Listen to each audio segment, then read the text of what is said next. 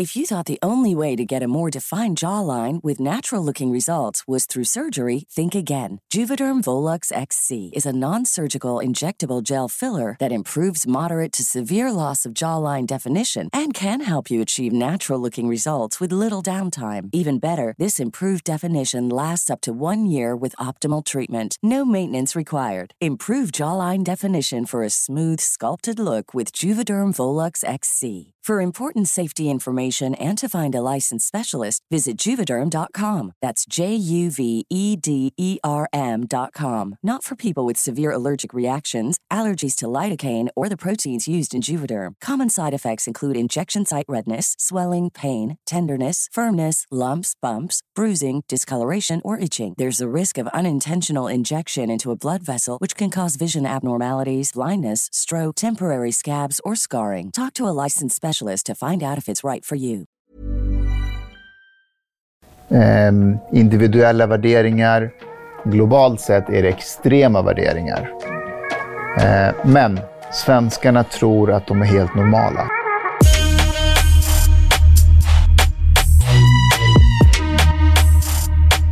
Hej på er och välkommen tillbaka till Dialogiskt. Mitt namn är Viktor och jag är som vanligt er host. Vi vill fortsätta med att säga att vi är tacksamma över att ni subscribar, delar, men framförallt tipsar era nära och kära om vår fantastiska kanal. Som sagt, ni är en del av vår livlina. Eh, den här veckan har vi en gäst som jag har sett fram emot att ha ett bra tag. Han är samhällsdebattör, eh, han är författare eh, och han han är en samhällsskildrare, han är poddare också, men han är framförallt en före detta polis. Och det är det som gör det så roligt för mig. Välkommen Mustafa Tack Viktor, vad roligt att vara här. Ja, jättekul att ha dig här. Jag var tvungen att liksom lägga till. Jag tycker alltid det är så kul att se dig. Detsamma. Det händer någonting eh, trevligt inom mig när jag ser dig. Och så jag får lust att garva och det känns som att jag alltid vill slänga iväg något klämkäckt skämt. Vet inte alltid om det landar rätt. Det, jag känner samma sak. Jag måste säga, när du var hos oss ja. sist, du ska veta att än idag, ett av de mest uppskattade avsnitten. Folk hör av sig och säger det där var ett bra avsnitt. Mm. Så tack för att du var med. Verkligen. Tack. Och, och för, för, att liksom spinna vidare vad hos oss är för något, det är Sista måltiden. Just det. Er podd som mm. är så framgångsrik, ja. som du har med... Med Ashkan Fardost, eh, Hanif Azizi som har varit här, mm. Omar Makram och Chang Frick. Chang Frick, ja. Hur, hur funkar den konstellationen?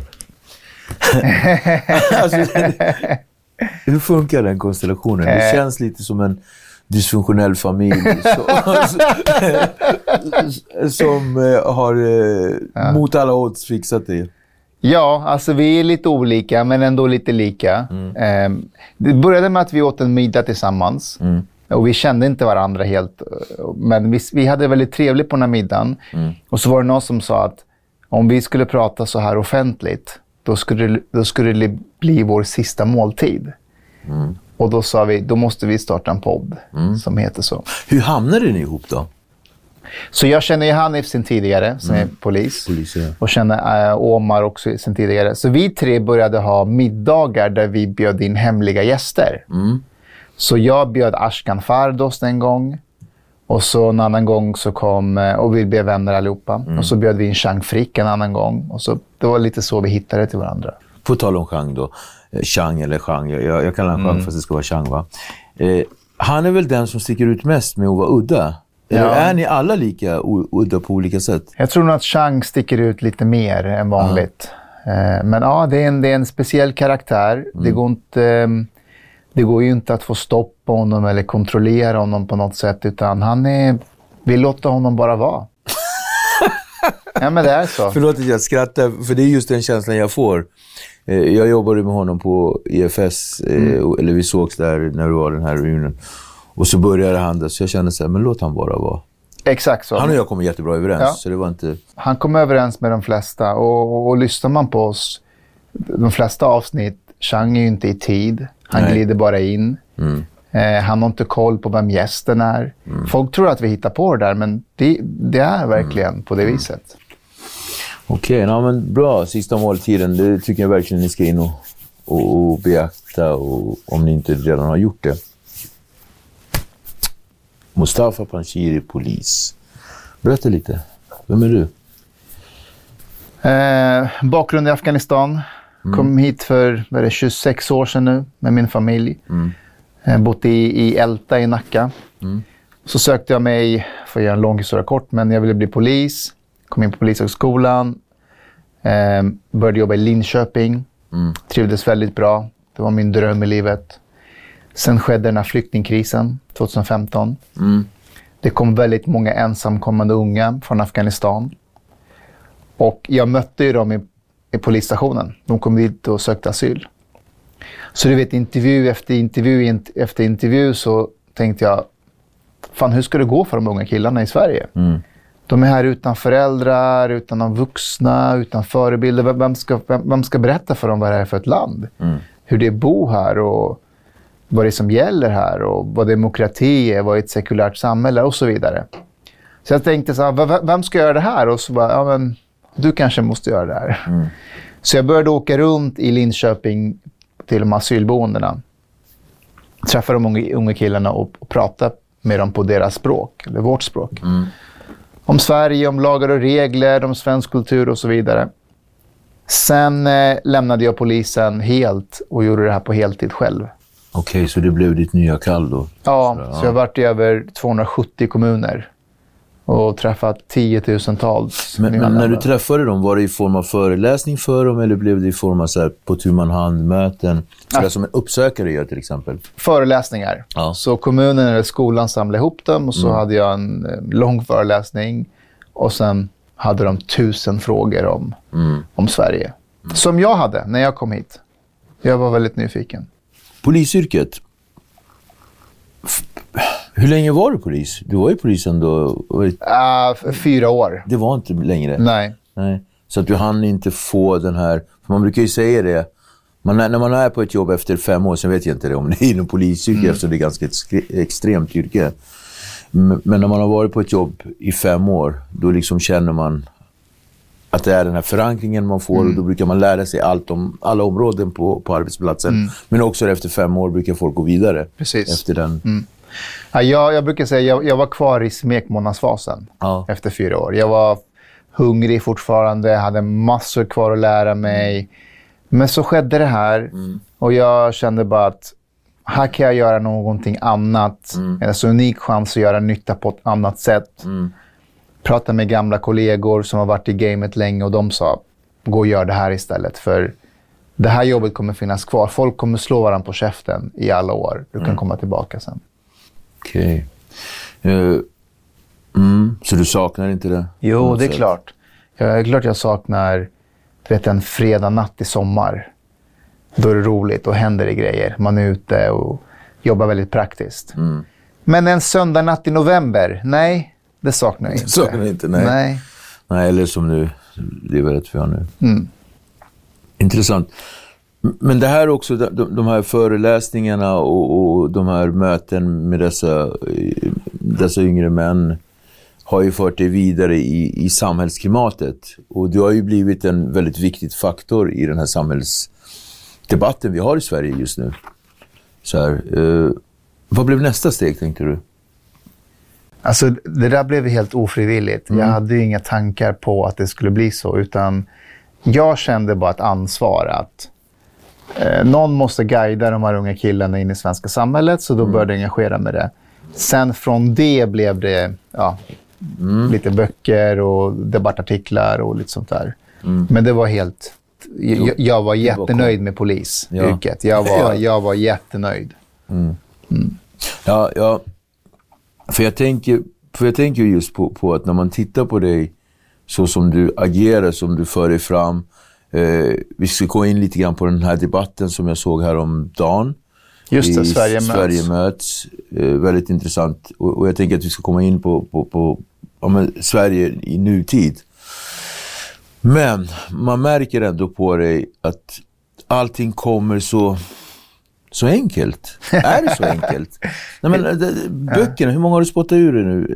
Eh, Det, Det här är den, den tredje och senaste som jag skrivit tillsammans med Jens Ganman.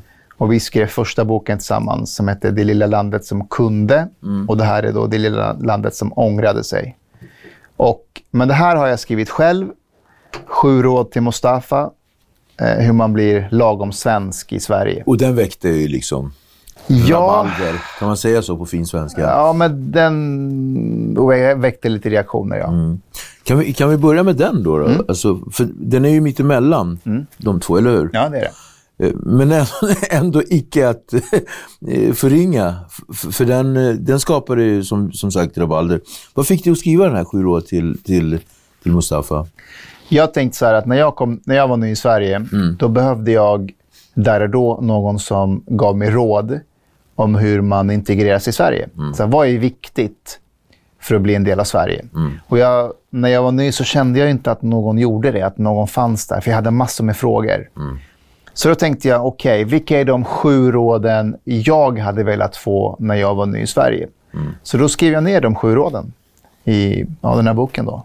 Och och vi- vilka av dem har varit svårast att... Eller har någon av dem varit svår att liksom lägga in i boken och, och få den här känslan, shit, det här, här, kommer jag, här kommer jag stöta på patrull. Jag, jag, vet Eller- vad du är ute efter. Nej, men du fattar. Ja, ja, nej, men det var det här, eh, ett av råden är att man ska lägga till ett extra namn Ja, i sitt namn. Ja, precis. Har blivit Det blev lite meme också. Ja, jag vet. Jag Ja. vet. Och det, det är för att många stöter på det här om du säljer saker på Blocket eller om du ska bli kallad på en arbetsintervju eller om ditt namn är svåruttalad.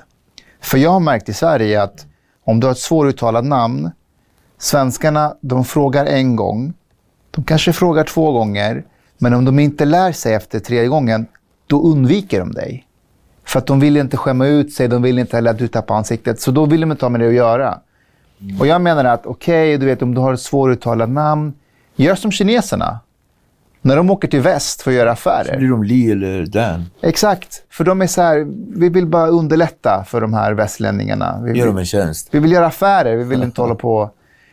Ehm, eller tvärtom, du vet många som blir muslimer.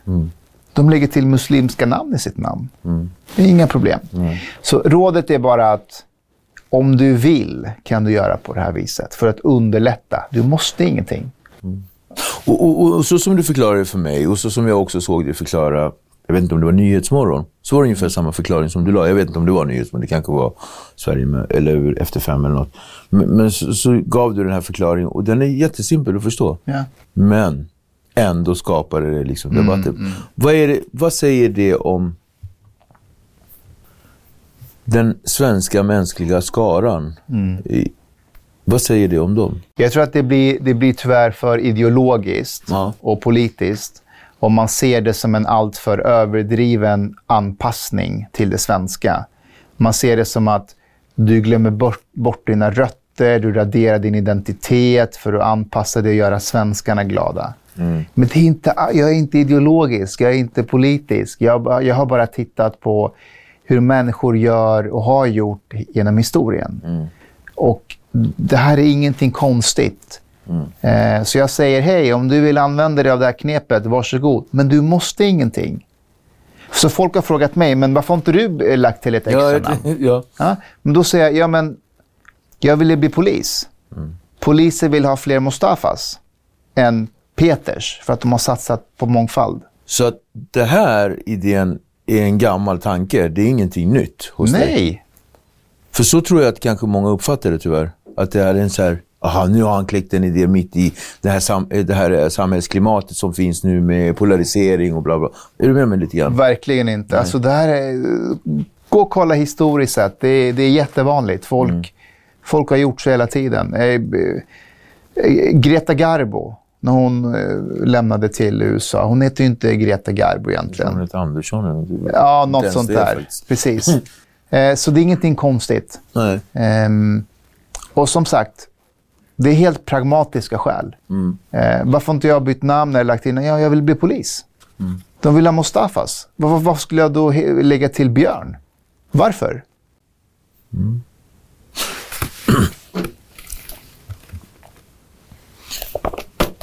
Världens mest extrema land. Ja, precis.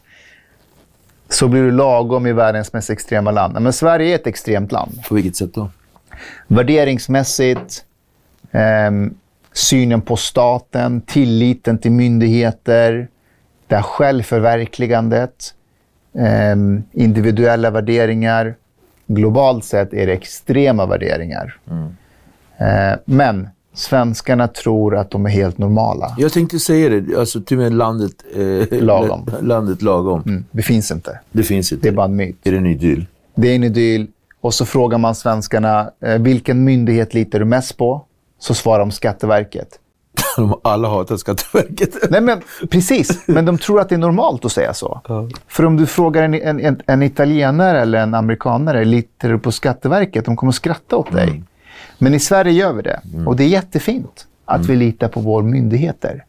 Men det är inte normalt globalt sett. Därför är det så att när det kommer människor hit som har mer kollektivistiska värderingar och har en annan syn på statens roll så kan man inte bara tänka att ja, men de kommer lära sig det där. Det kommer gå bra. Det kommer ta tid. Jag fattar. Att skriva en bok då, eh, har det kommit lätt för dig? Kommer det lätt? Om jag tror på idén och verkligen brinner för det, då, då, då, då kommer det av sig självt. Eh, och det är de här tre böckerna, det har verkligen varit, ja men det här, det här vill vi göra, det här vill jag göra. Så Jag då... tänkte säga det, för det känns som att du bara spottar ur er. det. Det är ju på väldigt kort tid också. Ja, jo men det är det. Men det, är men det, är som tre sagt, årsperiod? Ja, tre, fyra ja. årsperiod. men det är, tro, är, är det en rolig idé, då går det av sig själv. Ja. Då har man till och med ont om tid. Mm, ja. Ja. Ska inte du skriva en bok? Jag håller på. Det är därför jag är så frågvis när det gäller. Bra. Jag håller på. Jag är på sista versen nu. Är det sant? Eh, den ska väl vara klar nu om en månad. Vilket förlag? Eh, Mondial. Det är samma Det är förlag. samma förlag.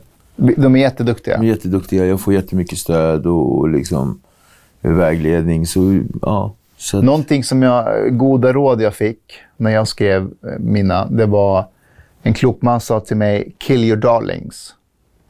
Du vet att du, du vill få med så himla mycket, men du måste inte få med allting. Nej. Utan du måste döda dina, dina darlings. Ja. Att det här måste inte med i boken för att det är viktigt för dig, men läsaren då? ja.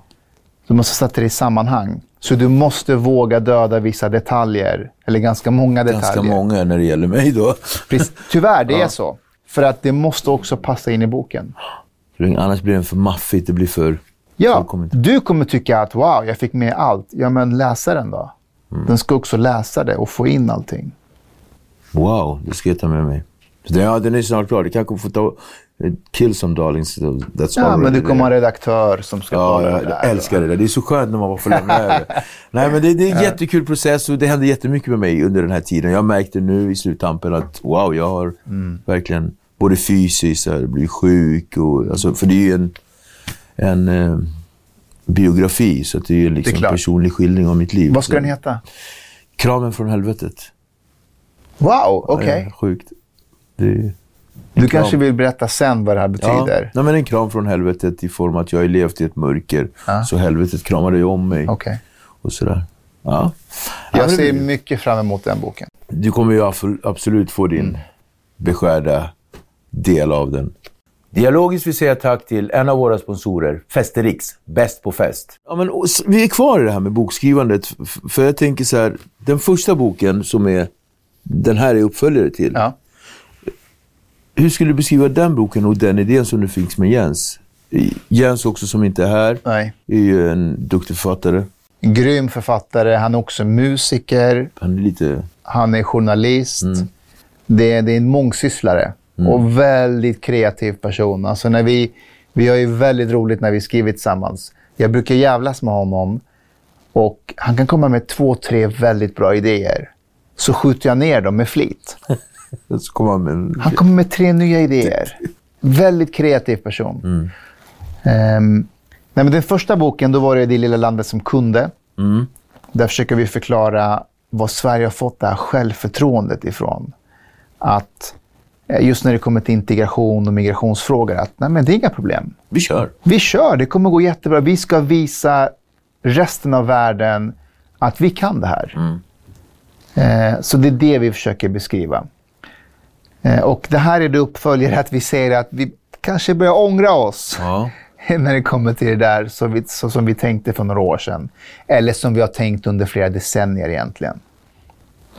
Så den här boken handlar mer om ånger. Och det vi baserar det på det, du vet, statsmin eller förra statsminister som sa att vi vill inte ha Somali towns. Mm. Nuvarande statsminister som säger att invandring har blivit en belastning. Eh, och massa andra uttalanden, men också hur det ser ut i verkligheten med dödliga våldet. Bilderna från påskupploppen. Jag tror att det, det chockerar väldigt många svenskar när man ser pensionärer med rullatorer kasta sten mot polisen. Vad sjukt. När man ser eh, mammor med, med ena barn i famnen kasta sten mot polisen, då börjar man undra, vänta, det var, det var inte det här vi signade upp oss på. Det var, hur, hur, var kommer det här hatet ifrån? Mm. Um, och då menar vi att vi, vi börjar ångra oss lite. Vi, vi, jag tror att vi har insett att det här med integration och mångkulturellt samhälle, det var mer komplicerat än vad vi trodde. Mm. Jag tror att svenskarna på riktigt trodde att ja, alltså de har med sig lite olika maträtter. Vi älskar olika maträtter. Och de dansar lite annorlunda, det är inga problem. Eh, men det var ju inte bara det. Man tar också med sig värderingar, sätt att se på samhället och så vidare. Wow, intressant. Men, men det här med, med de här två senaste eh, statsministrarna som mm. vi pratade om. Om vi går tillbaka några statsministrar, några, ett gäng kanske. Men om vi snackar om Tage Olof, mm. svenska folkhemmet. Mm. Den, den tidens eh, eh, ledare mm. i Sverige. Det är en stor klyfta mellan dem mm. nu och då och nu. Vad är det som har förändrats? Du vet att man brukar prata om det här eh, ärva, förvalta, fördärva generationen. Mm. Ja. Eh, den här, de här politikerna nu, det är fördärva generationen. Eh, man vet inte hur farfar förvaltade eh, ska man säga, företaget. Hur, hur hårt farfar arbetade för att bygga landet. Man har bara fått det i knät. Så man, man är lite historielös. Mm. Eh, så man håller på att fördärva det lite. Är man lite tyvärr. nonchalant eller är man ovetande? Okunnig ska jag säga, naiv. Eh, även om det har börjat vända nu. Mm. Det här jag menar med, eller vi menar med landet extremt. Mm. Att du ena dagen tycker öppna era hjärtan, Eh, vi bygger inga murar och så ena dagen... Så det går så från ytterligheter ja. till ytterligheter. Så det är inget landet lagom på något sätt. Vad är faran i det här då? Att det går så fort. Ja. Och att eh, de som ena dagen tyckte på ett sätt, nästa dag kan säga nej men vi har alltid tyckt så här. Det var ju de andra som tyckte annorlunda. Alltså man erkänner inte att eh, vi hade faktiskt fel. Och det skapar en förvirring? Det skapar förvirring hos folket. Och, och Sverige är ett väldigt stark konsensuskultur. Så när, när du vet fisk, liksom, simmet vänder, mm. då vänder alla samtidigt. Och så tänker alla, ah, men nu, nu tycker vi så här. Och det, det är lite farligt. Vet, vi såg det här under metoo, vi såg det under flyktingvågen. Mm. Alla var frälsta. Men du, du behöver sådana som Chang Frick till exempel. Som går emot strömmen mm. och säger nej, vi, varför tänker vi så? Mm. han behöver inte ha rätt. Nej. Men du behöver sådana fler individer i Sverige som bara... Skapar lite osämja. Ja, för att det är bra. ja. Lite högt i tak. Mm. Men vad är det Sverige ångrar då? Ja, men just det här att, att, vi, att vi trodde att det, var, det här med integration var mer komplicerat. Um, komplicerat eller gynnande? Um, vi, man trodde att, att folk som kom hit egentligen var som svenskarna själva. Mm. Alltså att man trodde på samma idéer, man ville samma saker i livet.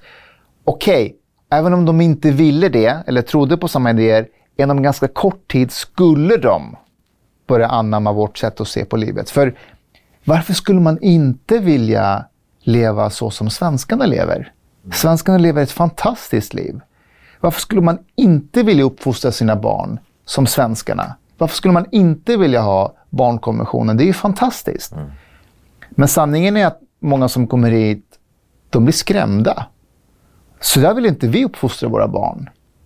Så där vill inte jag behandla min, eh, min, min, min dotter. Mm. Jag tänker inte låta staten komma in hem till mig och tala om för mig hur jag ska eh, uppfostra mitt barn. Är ni galna eller? Mm.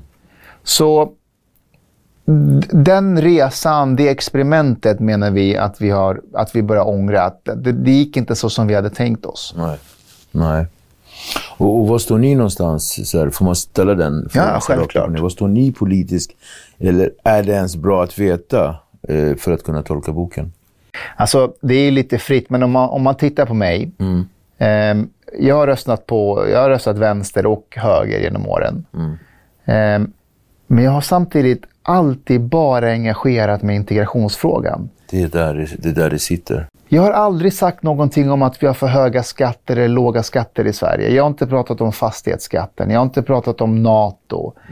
Eh, Jag har inte pratat om att vi måste privatisera eller välfärden åt andra hållet. Ingenting sånt. Bara om integration. Det är det jag kan eller det är det jag försöker göra någon, någon nytta kring.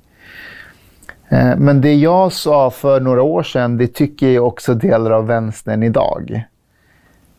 Så det blir ytterligheter, ytterligheter Precis. återigen utifrån ett personligt perspektiv. Precis.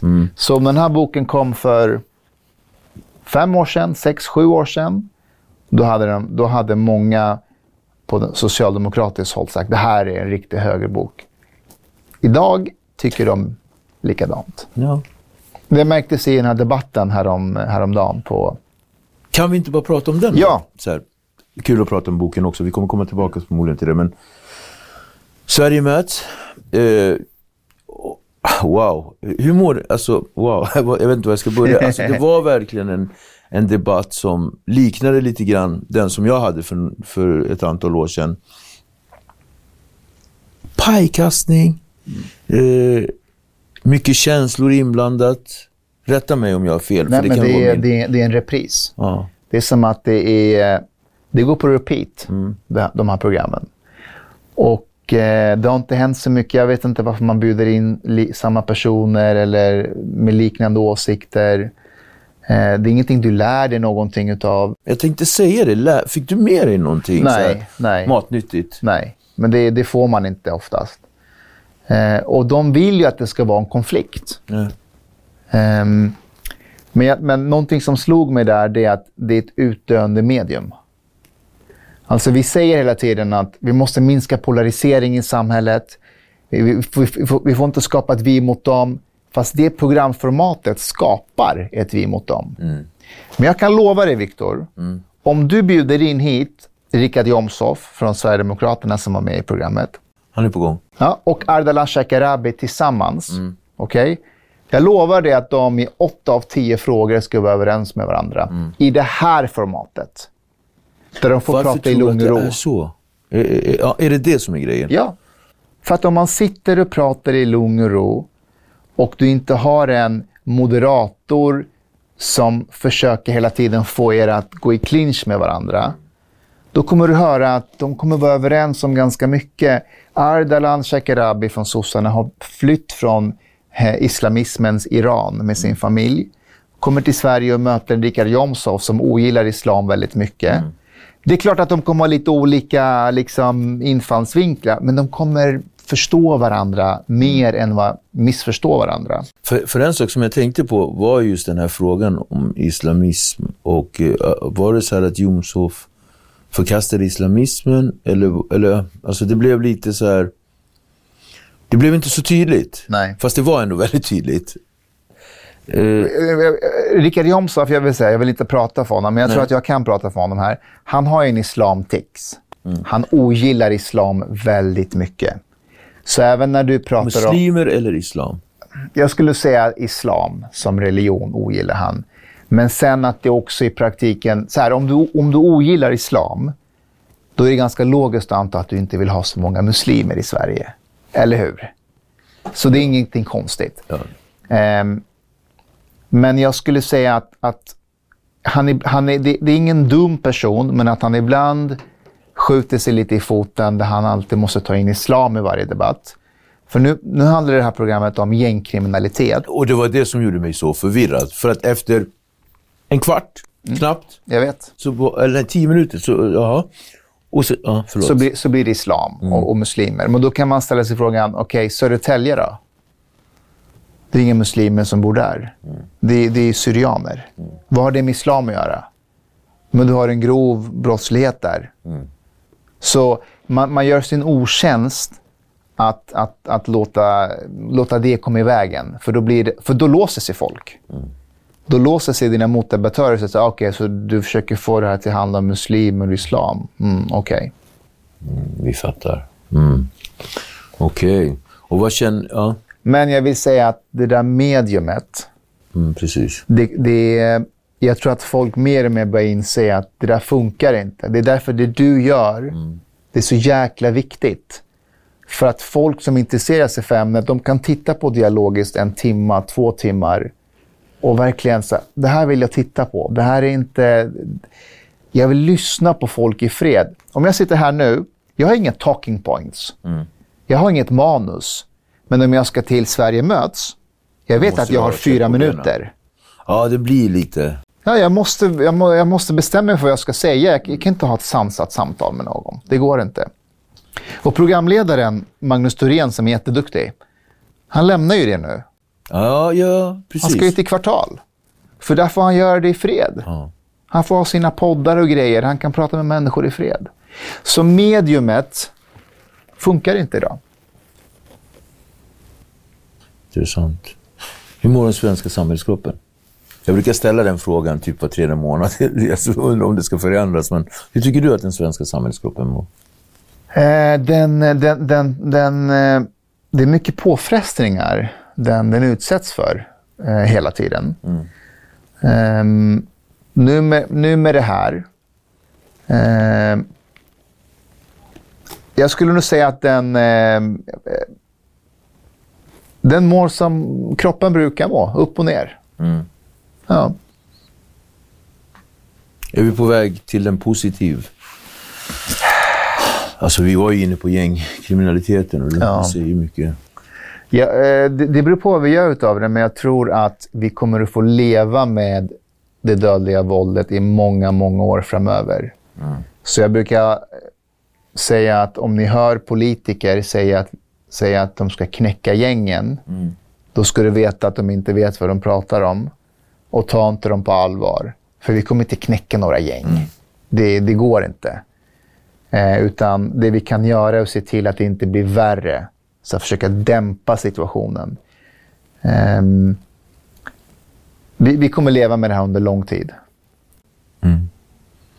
Ja, tyvärr tror jag det också faktiskt. Mm. Det är därför vi i boken åker och träffar så intressanta personer mm. eh, som vi tycker inte syns i, i media. Mm. I det här utdöende mediumet som jag menar. Mm. Men du kommer höra de här personerna hos dig. Mm. Du kan höra dem hos oss. Eh, till exempel så är vi i Östersund och träffar en, eh, en pastor från Uganda som, som driver ut eh, homosexualitet eh, ur, ur personer. Mm.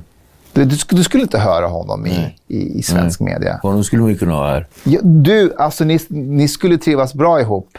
Alltså inte för att du är emot homosexuella. men jag, men jag, men jag menar, det är en väldigt karis, karismatisk person, väldigt trevlig person. Men han har fruktansvärda åsikter. Ja.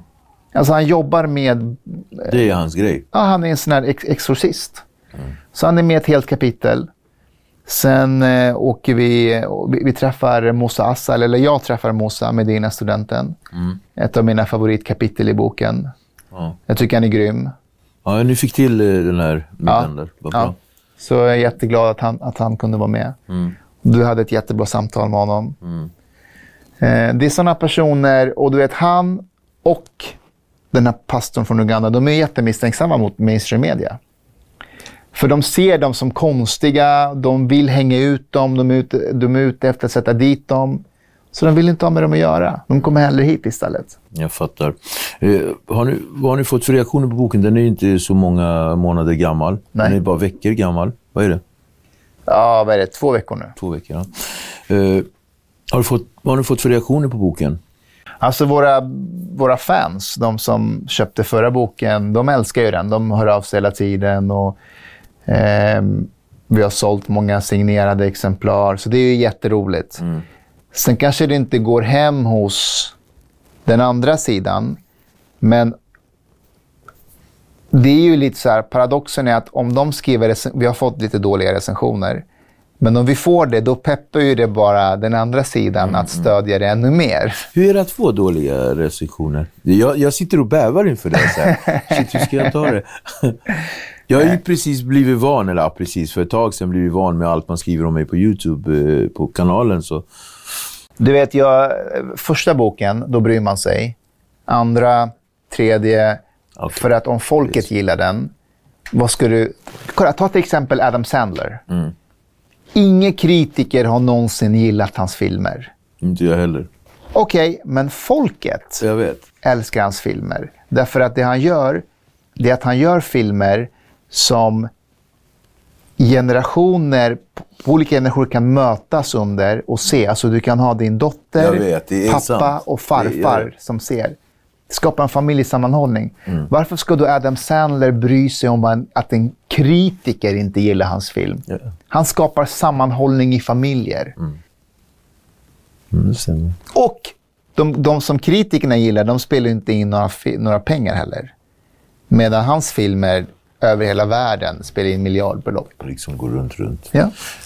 I, I boken då, finns det så här, utan att avslöja för mycket, finns det några så här anekdoter som du känner så här, nu, nu nämnde du pastorn och, och, och Musa Hassan, Eh, men finns det så anekdoter i boken som du känner så här, this is the crisp shit, det här kommer jag ta med mig? Eh, vi åker till, fin, eh, till Finland.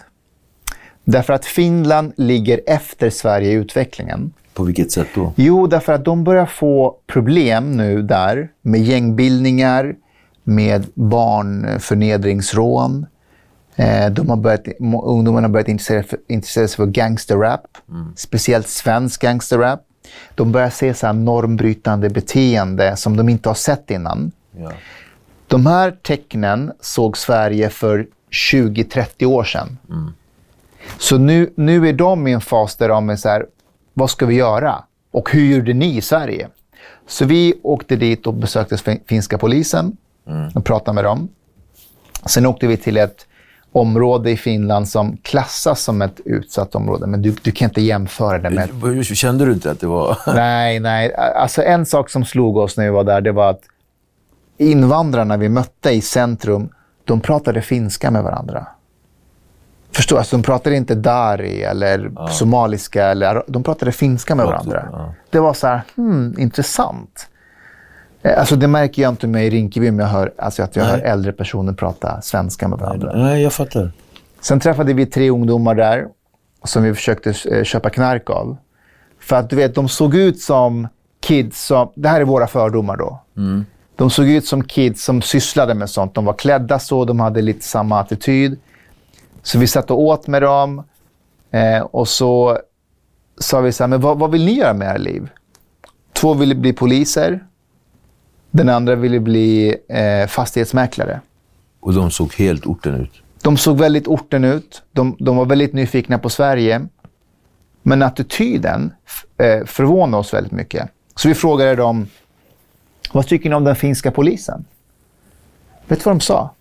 Best in Europe. Va? Ja, sa. De har superkoll på oss. De vet vad vi gör. Det är ingen man jävlas med. Det skulle jag inte höra från svenska kids i våra förorter. Nej. Det finns inte. Frågar dem, vad tycker ni om finska samhället? Alla tre, alltså du vet, det här är en kille, den ena är från Egypten, den andra är från Marocko, den andra är från Palestina. Du vet, så mångfalden då. De bara, Finland är ett jättebra land. De tar hand om vår familj. Vi kommer, vi, de var födda i Sverige, men våra föräldrar kommer från krig. Vi har fått allt det vi behöver här. Dialogiskt vill säga tack till en av våra sponsorer, kejsar.se. Exklusiva smycken för män. Men var de inte bakåt, alltså var inte landet bakåt, alltså ligger det efter Nej, nej, Sverige? men jag menar alltså i utvecklingen att de är på väg mot Ja, Sverige. okej. Ja. Men så åkte vi till Marseille. De ligger före oss i utvecklingen. ja, det där är hardcore. Ja, men nu fattar jag hur du menar. Exakt. Så de har ju områden i Marseille där statsmakten, polisen, helt har backat. Du, vet, du, du åker inte in för att hålla en dialog med de som bor där och eh, områdespol- Nej, du åker in när det har hänt någonting. Och när du kommer in i de här områdena så är det unga killar som står och håller utkiksposter runt om i områden. Och de har ju jobb. Alltså de jobbar från 05 till 13. Och så kommer nästa pass från 13 till 22 eller vad det är. Wow. Och det är unga killar eh, som jobbar för olika kriminella nätverk. Eh, och då resonerar vi i boken att är vi på väg mot Marseille i framtiden? Alltså om det blir riktigt, riktigt illa. Eh, så vi, vi gör lite framtidsspaningar i boken också. Men så, så tredje boken i, i den här serien kan bli liksom landet som är ambivalent. Antingen blir det lilla landet som sprack Ja. eller lilla landet som återuppstod. ja. Det får bara framtiden avgöra. Intressant. Hade du några fördomar eh, som du konfronterades med? Ja, det är klart. Så i början av boken åker vi till Urkult, som är en musikfestival i Sollefteå, Ja. långt upp. Jag har varit... Och, har, du- har du varit där? Ja, alltså jag, många år sedan. Urkult, det är Visst är, det, en- legendariskt. visst är det en speciell miljö? Det är helt an, annorlunda. Det är liksom, alltså, och våra fördomar i det kapitlet är att, att om Miljöpartiet fick bestämma så skulle hela Sverige se ut sådär. Ja, men lite så. Exakt. Det är väldigt, väldigt mycket mångfald och Faktiskt, ja. liksom ugandisk musik och afrikanska. Och så. Det är väldigt, men vi kom dit med att de här människorna, om de känner igen oss, de kommer hata oss. Men Helt väldigt, inbjudande. väldigt inbjudande, de var väldigt välkomnande och de kände igen oss. Är inte du från sista måltiden? Vi bara, "Va- vad gör du här? Vi, där är, vi lyssnar på dig, vi lyssnar på det här. Eh, så det var väldigt roligt. Eh, det kapitlet kommer många gilla, tror jag. Ja, jag ska se fram emot sådär. Men, men alltså jag tänkte, jag, jag, jag tänkte så här, finns det så här förslag i boken på lösningar och sådär? Men det hör jag redan nu när du pratar. Jag, jag hör ju framförallt eh, möten med människor, öppenhet eh, och, och sådär. Men är det någonting som du känner att ni kunde uttryckt mer eller någonting som ni ångrar? Står det min fråga lite grann? Alltså att, att, som att vi inte tog upp, upp Ja, i boken. precis. Det är klart att jag hade velat träffa ännu fler människor. Eh, från den vänstra sidan också. Ja. Som kunde säga att antingen så här, vi, ja, vi har ångrat oss lite. Eller nej, vi har inte alls ångrat oss. Vad, vad menar ni? Vi vill fortsätta på det här spåret. Det, det är inga problem. Eh, alltså bara att man... Det har varit intressant att ha den rösten. Är, är, det, är det mycket högersidan som har Nej, verkligen inte. Nej, alltså, som är i boken. Ja. Nej, nej, det är det inte. Men jag hade bara velat ha fler. har fler? För det har varit intressant. Ja, för jag tänker urkult är väl någonstans Ja. lite... Ja, ja, men alltså de personerna vi träffar, de är inte politiker eller, eller opinionsbildare. Det är vanliga människor. Det, och det är det som gör det så, så intressant också. För att mycket, ja, men när vi pratar om eh, traditionell media, eller traditionell media är väldigt vänstervriden. Det får vi inte komma ifrån. Men den är också... Alltså det är väldigt ensidigt. Mycket blir väldigt ensidigt. Och sen, jag vet också att ni har varit hos eh, Riks. Just det. Och det är åt andra hållet. och sådär. Så att det är intressant att de vanliga människor som kanske inte orienterar sig så mycket varken åt vänster eller höger, utan bara är och lever, att de får en... Det är eh, precis de vi försöker skilja i boken. Så ett, ett, ett kapitel som handlar om pöbelmedier, kallar vi dem. Där har vi med en kille som heter Alexander Guldtand. Som har en podd som heter Guldtands podd. Varför har jag hört talas om det? Du har säkert, alltså han är i periferin, han är i, vad är han, i Värmland någonstans och spelar in. Men det här är en kille som har en podd som är väldigt stor, men som ingen har koll på. Men han bjuder in eh, porrstjärnor, han bjuder in eh, konstiga människor som inte syns i vanlig media. Eh, men som folk är väldigt intresserade av. Så han har hittat sin nisch. Eh, det var jätteintressant att träffa honom. Intressant. Ja, men vilken kul, eh, vilken kul resa. Eh, men om du får så definiera någonting specifikt, eller ni båda kanske har diskuterat, du och Jens, nå- vad ni vill att människor ska ta med sig av den här boken. Jag tror att någonting? någonting? en fråga som Jens och jag försökte lyfta i förra boken vi skrev också, det är att om vi ska gå vidare med den här integrationsprocessen, se till att människor kommer in i samhället, att vi ska lyckas med det på något sätt i framtiden, så måste vi också förstå att det finns grupper av människor i Sverige som faktiskt inte vill bli integrerade. Alltså man vill inte ingå i den här gemenskapen. man, man delar inte Sveriges syn på yttrandefrihet, sekularism, rättsstatens principer, eh, roll, statens roll i våra liv. Eh, de vill inte vara med. Mm. Och att det är utifrån det vi måste sen jobba för hur ska vi gå vidare. Så ska vi tvångsintegrera dem? Eh, ska vi dra in deras förmåner? Eller ska vi bara säga, vet du vad, de här grupperna, det är normalt att alla demokratiska samhällen har sådana grupper. Mm. Alltså du kan ha kriminella mc-gäng som tänker så också. Du kan ha Nordiska motståndsrörelsen som också, de vill ju inte heller integreras. Nej. Kanske ska vi bara se till att de här grupperna inte blir större med tiden. För ett misstag vi alltid gör det är att vi säger de behöver mer information. Och då säger jag, fast de har information. Är det någon form av tvångsintegration? Alltså, att, att ge mer information? Nej men, då, liksom... nej, men du kan inte ge dem information. De nej. har redan information. Mm. Men de vill bara inte? De vill inte. Det är här, vi måste förklara för dem vad, vad yttrandefrihet är. Nej, alltså de vet vad det är. Det är utifrån den informationen de säger, vi vill inte. Nej. Vi tycker att ni är för konstiga, ni är för extrema. Men skapar inte det där polarisering? Att jag säger det eller att de Nej, finns? Inte, inte att du säger det, utan att de finns. Men det är så verkligheten ser ut. Alltså, påskkravallerna än en gång. Mm. Ja, antingen är det ett missförstånd, att vi har varit dåliga på att förklara för de här människorna vad Sverige är för ett land, hur yttrandefrihet fungerar. Kastar man inte sten hur som helst. Ja, eller, eller att du vet att polisen var ju inte med Paludan för att de delar hans åsikter. Nej, men det, och det är det tyvärr många tror. Fortfarande. Exakt. Efter alla debatter, efter Exakt. alla utlägg. Alltså. Utan polisen var där för att försvara hans rätt mm. att uttrycka de åsikterna. Så om det du säger att de inte har förstått, det här är best case scenario. Förstår du? Mm. För att då har de inte fått rätt information. Vi har varit dåliga på att förklara vad det är som gäller i Sverige. Då ska vi fokusera på det. Men jag menar, tänk om det är så att ganska många av de här människorna vet varför, vet varför polisen var där. Mm. Vet rättsstatens principer, vet vad yttrandefrihet är. Men de kastar ändå sten mot polisen och säger vi gör revolt och motstånd mot det sättet att tänka. Vi vill inte vara med om det. Mm. Då har vi ett betydligt mer komplicerat scenario. Verkligen.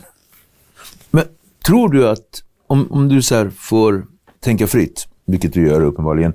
Eh, tror du att det är så i, i senaste fallet? Eh, att, att folk liksom... Inte för alla. Nej. Så, självklart inte. Men jag tror att det finns en väsentlig del. Och, och, och de, är de de kriminellt belastade enbart? För vi pratade om någon på rullator som kastar, ja, som kastar ja. sten. Det är vanliga människor. Nej. Det är vanliga människor. De inte, alltså, polisen gick ut först och sa att det var kriminella ja. gäng. Det, finns, det fanns inte så. Det hade varit bra om det var kriminella gäng. Då hade man kunnat ha något att skylla på och säga här, ja, så här det ser ut. och de har tvingat dem. Ja. Men när det är vanliga människor. Det är oroande. Det är oroande, för var kommer det ifrån? Mm. Eh, så det är mer komplicerat om det finns människor som inte vill integreras. Mm. Och du kan inte ge dem information för de kommer säga vi vet redan. Vi vet, men vi vill inte. Så vad gör vi då? Ja, det, det är 10 000 kronors frågan. Mm. Ja, vi kan ju sitta och älta den grejen hur länge som helst. Men, men det är en intressant tanke, tankesmedja som mm. går igång hos mig i alla fall. Mm. Och sådär. Jätteintressant. Det ska bli... Jag ska gå in och, och verkligen läsa, läsa på de här och, och, och få mer kött på benen. Fint samtal. Tack. Är det redan slut? Nej. Jag tänkte fråga dig nästa fråga. Där så här, Finns det någonting, om, om vi släpper det här med böckerna, och, och, och så här, finns det någonting som du känner så här, det kanske är en barnslig fråga, men ändå så ställer jag den. Finns det någonting som du känner som du vill förändra radikalt när det gäller just polariseringen mm. och, och det här oliktänkande hos människor, situationen vi har just nu? Finns det någonting som du känner att om vi liksom går in på den mm. grejen så kan du göra en så kan det göra en stor förändring. Alltså en enskild eh, grej är svårt, för det, det måste finnas... Ja, men jag tänker mer. Ja, precis. Men, men, men jag skulle vilja säga så här. Jag vänder mig alltid till ungdomar. Mm. Det är alltid de jag föreläser för att träffa när jag är ute. För att föräldrarna, du vet, de är redan marinerade i sina värderingar. Det är svårt att ändra deras sätt att tänka. Så, mm. Men barnen är framtiden. Låter lite klyschigt, men det är så det är. Men det är sant.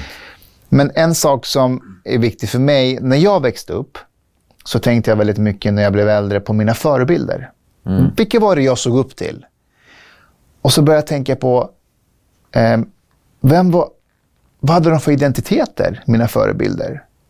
Så kom jag på att du vet, en var kurd, en var muslim, en var ateist, en var jude, en var homosexuell och så vidare. Lite som sista måltiden, höll jag på att säga. Exakt.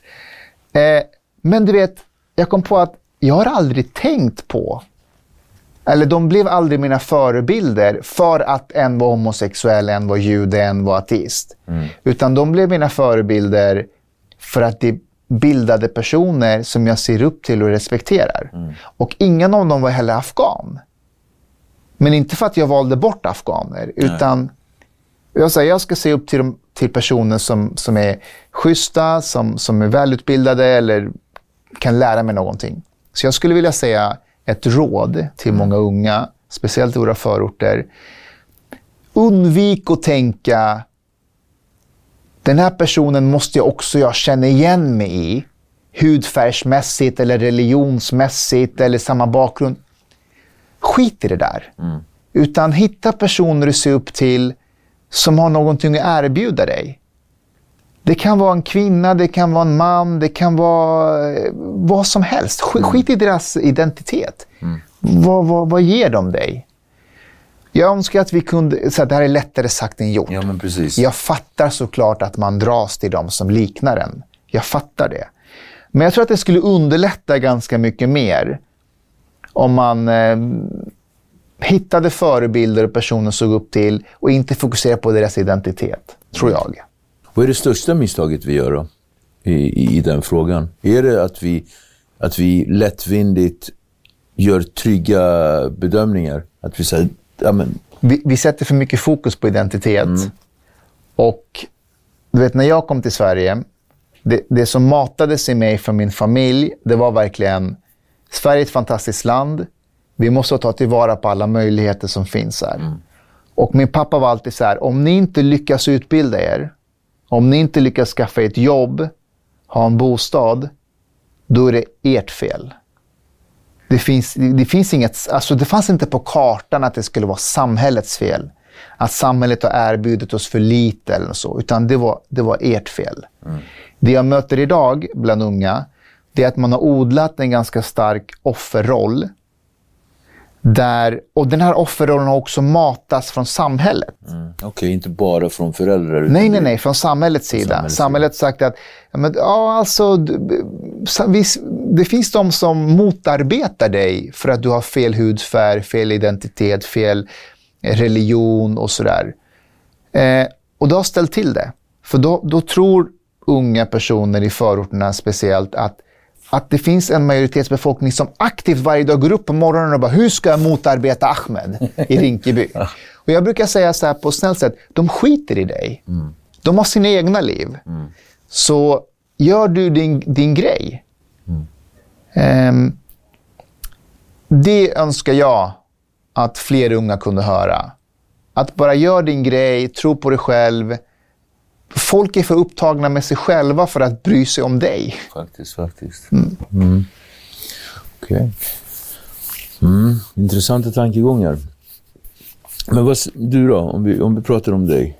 Eh, härnäst, vad har du på gång?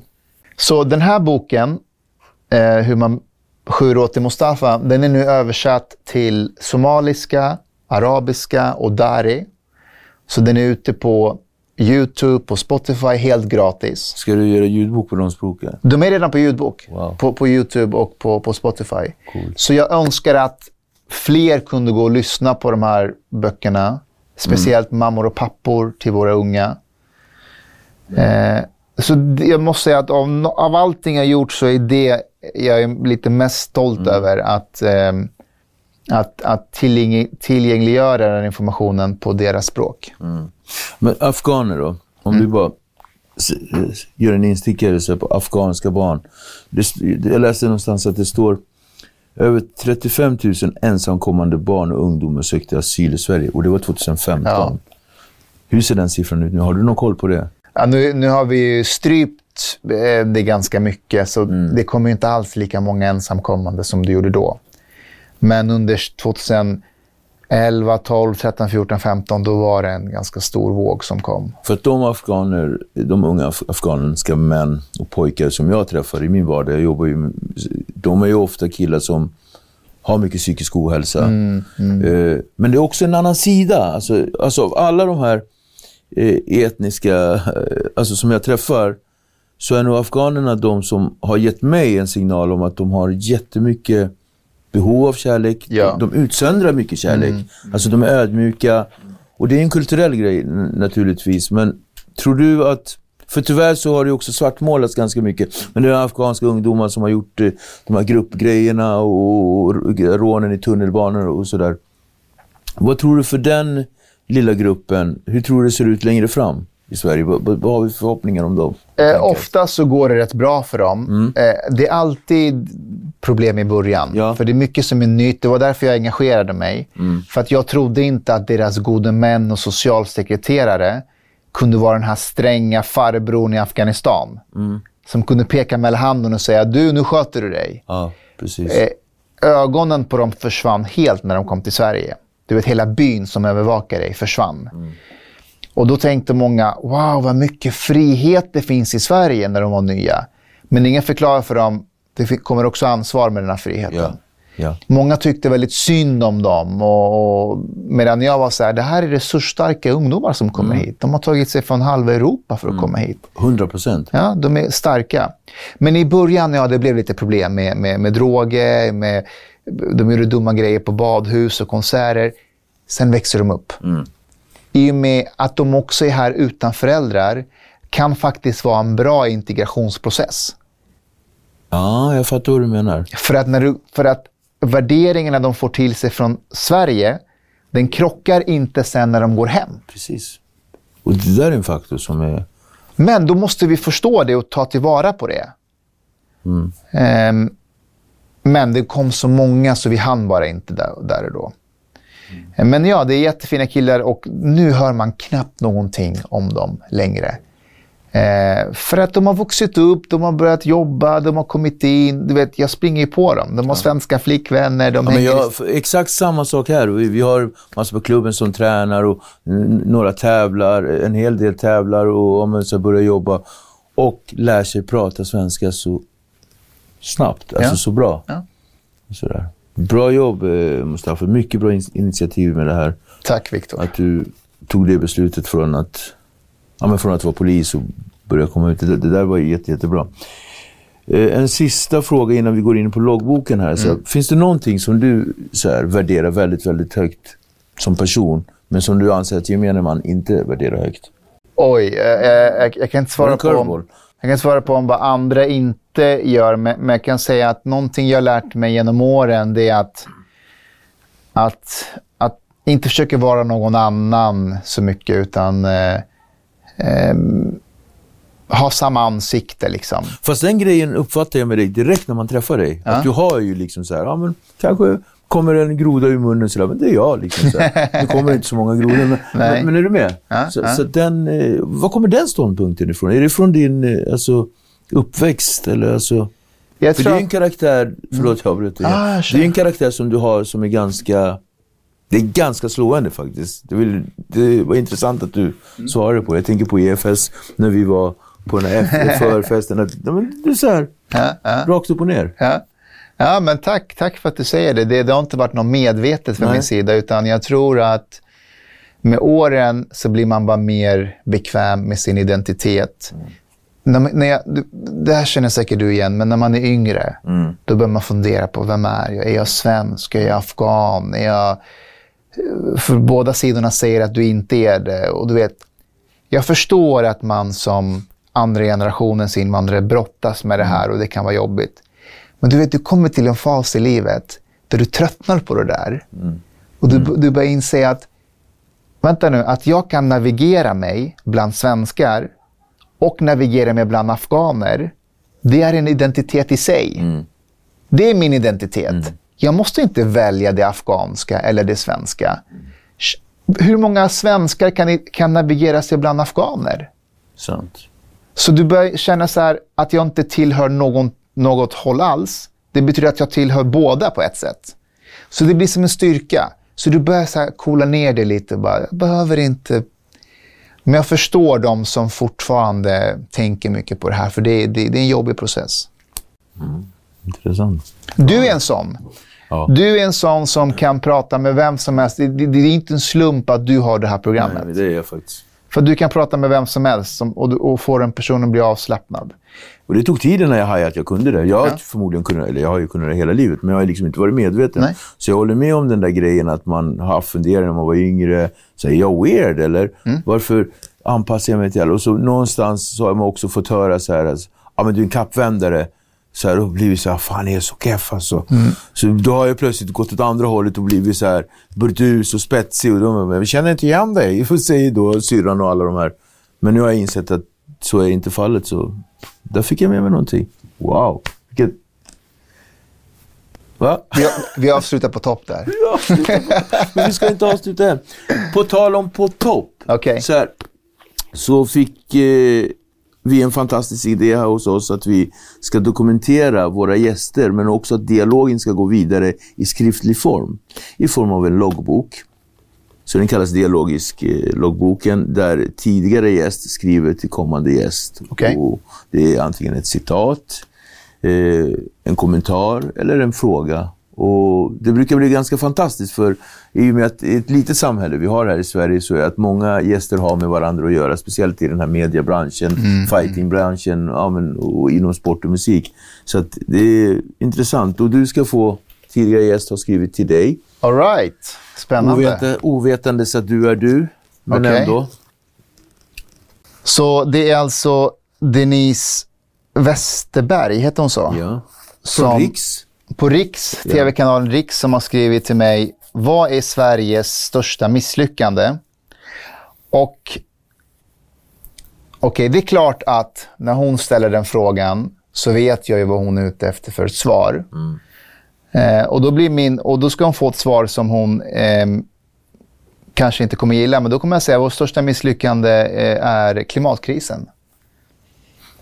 För det är inte det hon vill höra och det är inte det Riks eller hennes parti vill höra. Men det är ett problem vi måste handskas med i framtiden.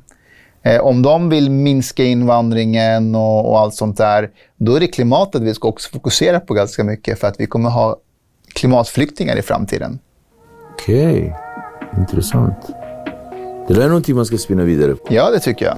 Tack så mycket för att du kom. Det var en Tack, ära. Du, en ära för min del. Verkligen. Återkommande verkligen. Och på återseende i någon annan form. Det Tack. kommer vi göra. Tack så mycket.